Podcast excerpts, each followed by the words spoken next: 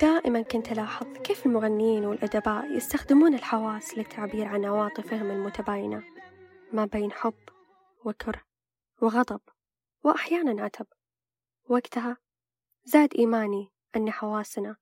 تجعل أرواحنا تسهر تعيش تدرك وتعبر. إيماني فتح لي باب كبير من التساؤلات ابتداء من كيف نميز بين الألوان والمرئيات؟ كيف نشم؟ وكيف نصنف الروائح لمحببة ومكروهة؟ كيف نستشعر ملمس الأشياء نعومتها وصلابتها؟ كيف نتذوق ونستمتع بكثير من النكهات المختلفة. وأهم شيء كيف نسمع؟ كيف نميز بين الأصوات المختلفة؟ وكيف نفهم الكلمات؟ والعجيب أن حتى الكلمة الواحدة تختلف دلالاتها باختلاف النبرات. فمثلا لو أقول طيب طيب عرفت أن الشخص اللي قدامي مو متفرغ لي أو يصرفني. ولما أقول طيب دلالة أني وافقت على الاقتراح اللي طرح. ولما أم تقول لعيالها طيب طيب أعرف أنه اهربوا دائما وأنا أتغدى أحب أتفرج مسلسل بحيث أني أشبع بطني بالأكل وعيني بالمسلسل. لكن أمي دايم تقول لي ركزي بأكلك وتحسسيه تلذذي بطعم الغداء واترك عنك الآيباد. وقتها لاحظت أن فعلا إحنا نشغل حواسنا بأمور أخرى بينما نفوت على أنفسنا لذة اللحظة. جلسة البحر وسماع صوت الأمواج بدون خلفية موسيقية إلا من صوت أهلك وحتى تكية درعية وسماع صوت صرصار الليل بدون ما يكون أبو مانع مشارك. كلها لحظات ننشغل فيها بسماع شيء آخر ونفوت على أنفسنا جمال اللحظة. حاسة السمع لها أثر كبير بتسهيل حياتنا من أمور بسيطة جدا كاستيقاظك على صوت المنبه إلى خط سفرك للدمام وأنت تسمع كوبليهات محمد عبده. علميا الأذن الداخلية لدى الجنين تنضج وتصبح قادرة على السمع في الشهر الخامس بينما لا تفتح العين ولا تتطور طبقتها الحساسة إلا في الشهر السابع وهذا من الإعجاز العلمي بالقرآن سبحان الله لأنه دائما ما يذكر السمع قبل البصر في آيات عدة كآية ثم سواه ونفخ فيه من روحه وجعل لكم السمع والأبصار والأفئدة قليلا ما تشكرون لكن يا ترى كيف حيكون شكل الحياة بدون أصوات؟ كأن تولد بدون سماع صوت أمك أو تصحى وأنت ما تقدر تسمع الأذان اللي اعتدت على سماعه أصوات مختلفة نسمعها يوميا وبشكل متكرر بعضها كان لها دور كبير في تسهيل حياتنا والبعض الآخر في إلهامنا لكن ماذا لو صمت كل شيء فجأة؟ إيش نوع القوقعة اللي راح نكون داخلها؟ وهل منظورنا للحياة بيكون بالشكل نفسه؟ يقال أن الحاجة أم الاختراع رينيه لينك دفعه حياء فتاة إلى ابتكار سماعة الطبيب. ومؤخرا خلال جائحة كورونا دفعت الحاجة ستيف بروكس صاحب شركة للأثاث المكتبي لاختراع المشبك الصحي لفتح الباب دون الحاجة لملامسة اليد. ولكن ما هي حاجة تدافع المخترع جريم كلارك اللي اخترع جهاز القوقعة الإلكترونية؟ حاجته كانت نابعة من معاناة والده الأصم. فأراد أن يوجد حل لفاقدي السمع وإشراكهم في المجتمع بدلا من الانعزال لوحدهم في عالمهم الخاص. في عام 1960 أجريت دراسة عن علاقة السمع بالتيار الكهربائي لكن سرعان ما لاقت انتقادات لاذعة وتحطيم من زملاء جريم حتى أنهم قالوا له مستحيل عمل هذا الجهاز بسبب صغر القوقعة وتركيبها المعقد ولكن جريم كان مصمم على الهدف رغم المحطمين والمنتقدين. إلى أن أثمرت نتائج هذا الإصرار في عام 1978 حيث أجريت أول عملية زراعة قوقعة. وبفضل الله ثم دكتور كلارك استطاع شخص استعادة سمعه. ونتيجة لذلك تكونت شركة كوكلير التي قامت بتحقيق آمال الآلاف من الأطفال والبالغين في سماع صوت الحياة. لكل موضوع أو نقاش يطرح زوايا عدة. فسمعنا زاوية دكتور كلارك. ولكن يا ترى ما هي زاوية زارع القوقعة نفسه؟ ومن زاوية الأهل وكيف منظورهم؟ علي كأي طفل عند الخامسة من عمره تعرض إلى ارتفاع شديد في درجة الحرارة وبعد فترة لاحظت والدتها بعض الأشياء مثل أنها تنادي عليه وما يستجيب. ومن هنا بدأت قصة علي. مريت بفترة جدا صعبة بحكم إنه كان عندي ارتفاع شديد جدا في الحرارة وبالتالي مع مرور الأيام آه، أثرت هذه الحرارة على الأعصاب السمعية وبالتالي أصابها ضعف. طبعا في البداية كان الضعف بسيط جدا وكانت الحياة بتكون سهلة والتواصل بيكون عادي بحكم إنه اللي بيكون عندهم ضعف بسيط السماعات بتعطيهم نتيجة جيدة. لكن علي تعرض لموقف وعلى أثره فقد سماعته. تاركت مع مجموعة من الطلاب ووقتها فقدت السماعات الطبية فكنت في مرحلة جدا صعبة فأثر علي هذا الموضوع بشكل شديد. آه، أنا أشفق على بعض الأهالي في مسألة صعوبة تعويد أبنائهم أو أطفالهم على إنه يحافظوا على سماعاتهم على إنهم يداوموا على آه، ارتدائها إنهم يداوموا على محافظة عليها. طبعا الموضوع جدا شاق وصعب بحكم اللي مريت فيه. كان كل ماله الضعف بينزل بشكل تدريجي فبالتالي كل ما بينزل الضعف بيكون يعني هناك احتياج لسماعات أقوى حتى آه، توازي الصوت أو توازي التخطيط اللي موجود عليه. فبالتالي كل فترة من الفترات كان بيضعف السمع معايا أكثر فبالتالي بطلع سماعة جديدة أخرى طبعا هناك تكاليف ولكن الحمد لله يعني كان في بعض التساهيل في بعض الجهات اللي تدعم آه، دار القوقعة مثل جمعية مثل الجمعية السعودية آه، لدار القوقعة في عدة برامج بيقدموا عليها الأهالي أو المحتاجين بحيث بأنه يكون في لهم دعم بتقديم سماعات طبية أو بيكون في تقديم إعانات شهرية لهم. طبعا الله يسعد دولتنا ويجزيها ألف خير على إنها بتوفر لنا كل الإمكانيات. جميع الزارعين وجميع ضعاف السماء وجميع من لديهم إعاقة. دولتنا ولله الحمد حريص علينا ودائما تسعى أن تقدم الأفضل لنا. علي كان طموح ويسعى لتحقيق طموحه. عندي حلم أنه أختار تخصص الهندسة. ولكن يعني كان في عدة صعوبات بحكم أنه مرحلة الجامعة تحتاج إلى لغة إنجليزية متقنة أو آه، بشكل يمكن الشخص من أنه يقدر يعدي هذه المراحل. طبعا لما نتعلق الموضوع بشخص سمعه ضعيف أو داري قوقعة طبعا بيكون الموضوع نوعا ما صعب. ولكن الحمد لله قدرت أنه أختار التخصص اللي أنا أحتاجه ولكن ليس بشكل دقيق. دخلت على كلية هندسة الحاسبات الآلي. علي حقق حلمه ودخل هندسة حاسب آلي وما توقف إلى هنا وبس.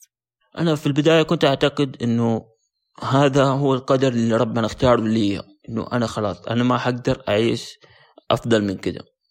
يعني حتى أقوى سماعة موجودة في السوق أخذتها ومع ذلك كانت القدرات التواصلية عندي جدا ضعيفة. كان الضعف عندي تقريبا أقل من 110 ديسيبل. آه فبالتالي بدأت البحث عن علاج.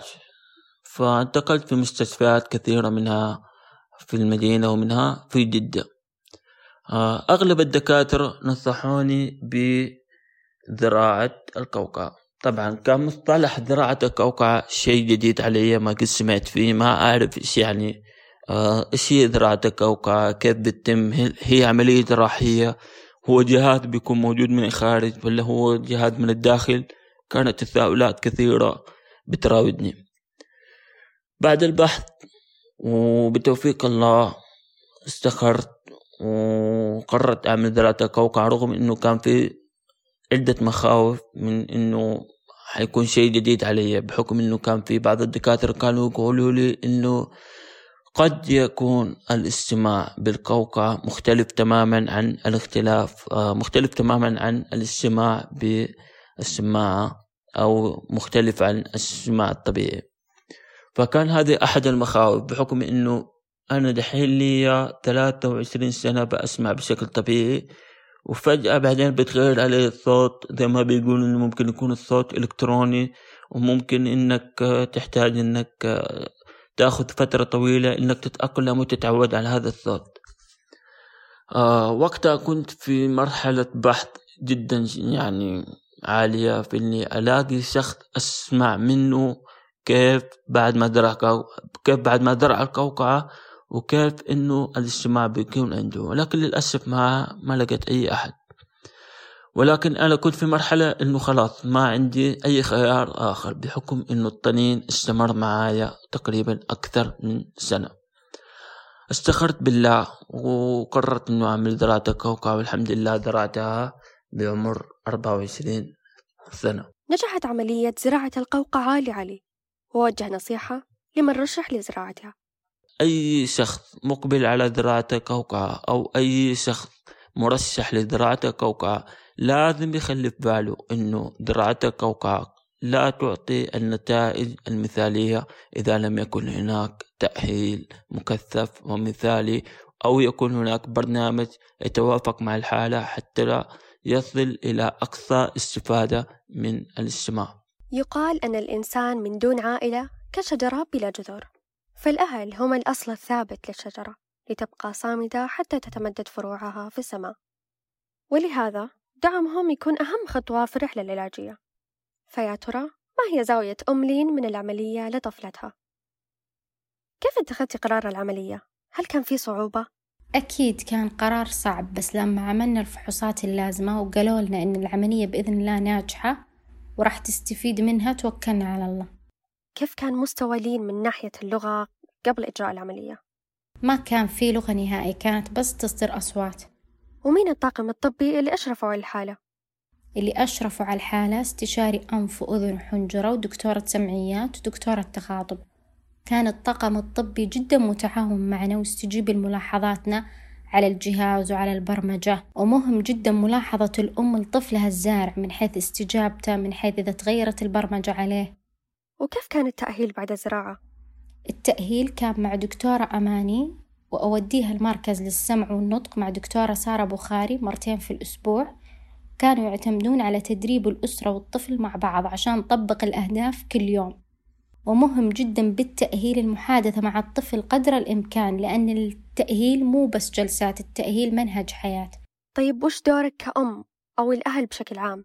يعني وش البيئة اللي تتوفر لازم للطفل بعد إجراء العملية عشان تساهم في النجاح؟ دوري كأم إني تعلمت من الدكتورة كيف أطبق الأهداف في البيت والحياة الطبيعية. ومهم جدا إن الأم تتبع تعليمات دكتورة التخاطب وتطبقها في البيت. مهم جدا عشان تشوف الأثر في طفلها. الكثير من زملاء التخصص كان أحد أسباب اختيارهم للمجال هو رؤيتهم لبعض المقاطع اللي تنتشر بوسائل التواصل الاجتماعي. لبعض ردات الفعل للأطفال أو الكبار بعد ما يسمعون لأول مرة. وبالنسبة للأملين عاشت الموقف مع بنتها. لما سمعت أول مرة تأثرت وبكت وإحنا تأثرنا معها وبكينا كان الشعور مرة حلو وصعب بنفس الوقت. وأنا شعوري كانت مشاعر مختلطة يعني أول مرة أشوف بنتي تسمع. كان كنا حلم يعني من جمال الموقف ما أقدر أوصفه. لأن العمل الجماعي مهم على جميع الأصعدة وتحديدا في المجال الطبي سواء من أخصائيين أو دكاترة. أجابنا ضيفنا دكتور ريان الحسيني متخصص في جراحة أمراض الأذن وأعصابها وزراعة القوقعة والمعاينات السمعية عن عملية زراعة القوقعة. طيب بسم الله الرحمن الرحيم. بالنسبة لعملية زراعة القوقعة فهي عملية يتم من خلالها زراعة جهاز داخل الإذن الداخلية أو القوقعة بهدف استعادة السمع. وتقام هذه العملية لدى الأطفال والبالغين من هم أصحاب ذوي الإعاقة السمعية وفقدين السمع بدرجة الشديدة والشديدة جدا. بالنسبة لعمر المريض الأفضل للزراعة بالنسبة للأطفال دائما نقول أنه كل ما صغر عمر المريض كل ما كان العملية أفضل. لكن في حالات طبعا استثنائية. هنالك بعض المرضى اللي يفقدوا السمع خلال خلال فترة نمو اللغة عندهم فيكون عنده حصيلة لغوية. ويمكن استثناء هذول المرضى من إجراء العملية في وقت مبكر ويتم عمل العملية في وقت متأخر للمرضى بعمر خمس سنوات إذا كانت عنده حصيلة لغوية أو أكثر من ذلك آه، مثل الكبار مثلا والبالغين. طبعا الطاقم المسؤول عن عملية زراعة القوقعة فهو يعتبر عبارة عن لجنة مكونة من من الجراح المتخصص في زراعة القوقعة ومتدرب على ذلك. وأيضا هنالك أخصائي سمعيات وأخصائي تخاطب وطبيب أشعة وطبيب أطفال نفسي وأيضا أخصائي اجتماعي لعمل التواصل اللازم مع الأهل. طبعا تعتبر زراعة القوقعة في بعض الأحيان هي الحل الوحيد لاستعادة القوقعة لاستعادة السمع عفوا. في أغلب المواقف التي يتكون منها مثلا الإذن الداخلية تكون بكامل وظيفتها العضوية. يعني ما يكون عندها أي مشكلة من ناحية وجود العصب من ناحية تكون القوقعة الداخلية آه، في الطفل. لكن هنالك بعض الحالات اللي يكون ما في عصب مثلا موجود عند المريض. في هذه الحالات يتم عملي عمل عملية أخرى أو عملية جذع الدماغ أو قد تكون زراعة القوقعة تجربة للمريض وهنالك بعض الإجابة والاستجابة لبعض المرضى الذين يعانون من ضمور مثلا في عصب السمع عندهم. طبعا دائما نقول للمرضى أنه التأهيل بعد العملية هو أهم من العملية ذاتها لأنه المريض بعد ما يتم زراعة القوقعة فهو يبدأ يستجيب والطفل يبدأ يستجيب لل للأصوات فيجب على علينا وعلى أخصائي التخاطب متابعة المريض باستمرار بهدف آه، آه، تكوين اللغة بصورة كافية تساعد الطفل آه، أو صاحب الإعاقة السمعية باستعادة سمعه والتواصل مع الناس عن طريق الأصوات والكلام بصورة جيدة. زراعة القوقعة من دون تأهيل كزراعة نبتة من دون سقاية. رولا الداغر طالبة علاج على النطق والسمع. وضحت كيف يكون دور الأخصائي في تأهيل زارعي القوقعة. طبعا بالنسبة لزراعة القوقعة تعتبر مناسبة وتتم لجميع الأعمار بالأخص للمرضى اللي عندهم نقص سمع عصبي حسي شديد إلى صمم بالإضافة إلى أن عندنا حالات كثير مختلفة. يعني في حالات تكون منذ الولادة بالمقابل في حالات تكون بعد الولادة. بالنسبة للحالات اللي تكون منذ الولادة لو الطفل عندي لسه ما تجاوز عمره ثلاث سنوات نعمل له العملية لكن لو تجاوز عمره ثلاث سنوات هنا ما تجرى للعملية. لأنه تجاوز مرحلة اكتساب اللغة ونقدر نقول الفائدة راح تكون جدا محدودة. أما في الحالات اللي تكون بعد الولادة سواء كانت لأطفال أو لبالغين إذا كان عندهم لغة تجرى لهم العملية بأي عمر كان. طبعا دور أخصائي السمع يتمحور حول عدة أمور آه، منها تشخيص السمع قبل وبعد العملية برمجة القوقعة الإلكترونية المزروعة برز القيام بالتأهيل السمعي وتقديم المشورة. إذا كان المريض عنده فقدان سمع شديد إلى صمم وكان نوعه بالأخص فقدان سمع عصبي حسي سواء كان في أذن واحدة أو في الأذنين أو إذا كان المريض مو قاعد يستفيد من لبس السماعة ما عنده أي مشاكل صحية تمنعه يسوي العملية هنا يكون مؤهل لإجراء العملية. وطبعا يتم مناقشة القرار بواسطة فريق مكون من اختصاصي سمعيات طبيب أنف وأذن وحنجرة طبيب نفسي وأيضا اختصاصي النطق والتخاطب. تقريبا بعد ثلاث أسابيع إلى خمس أسابيع من إجراء العملية راح يحتاج المريض أنه يراجع أخصائي السمعيات عشان يثبتون الأجزاء الخارجية المطلوبة لإتمام زراعة القوقعة وبرضو عشان يشغلون الجهاز ويبرمجون السماعة الأقل صوت يقدر يسمع فيه المريض وأعلى صوت مريح للإذن.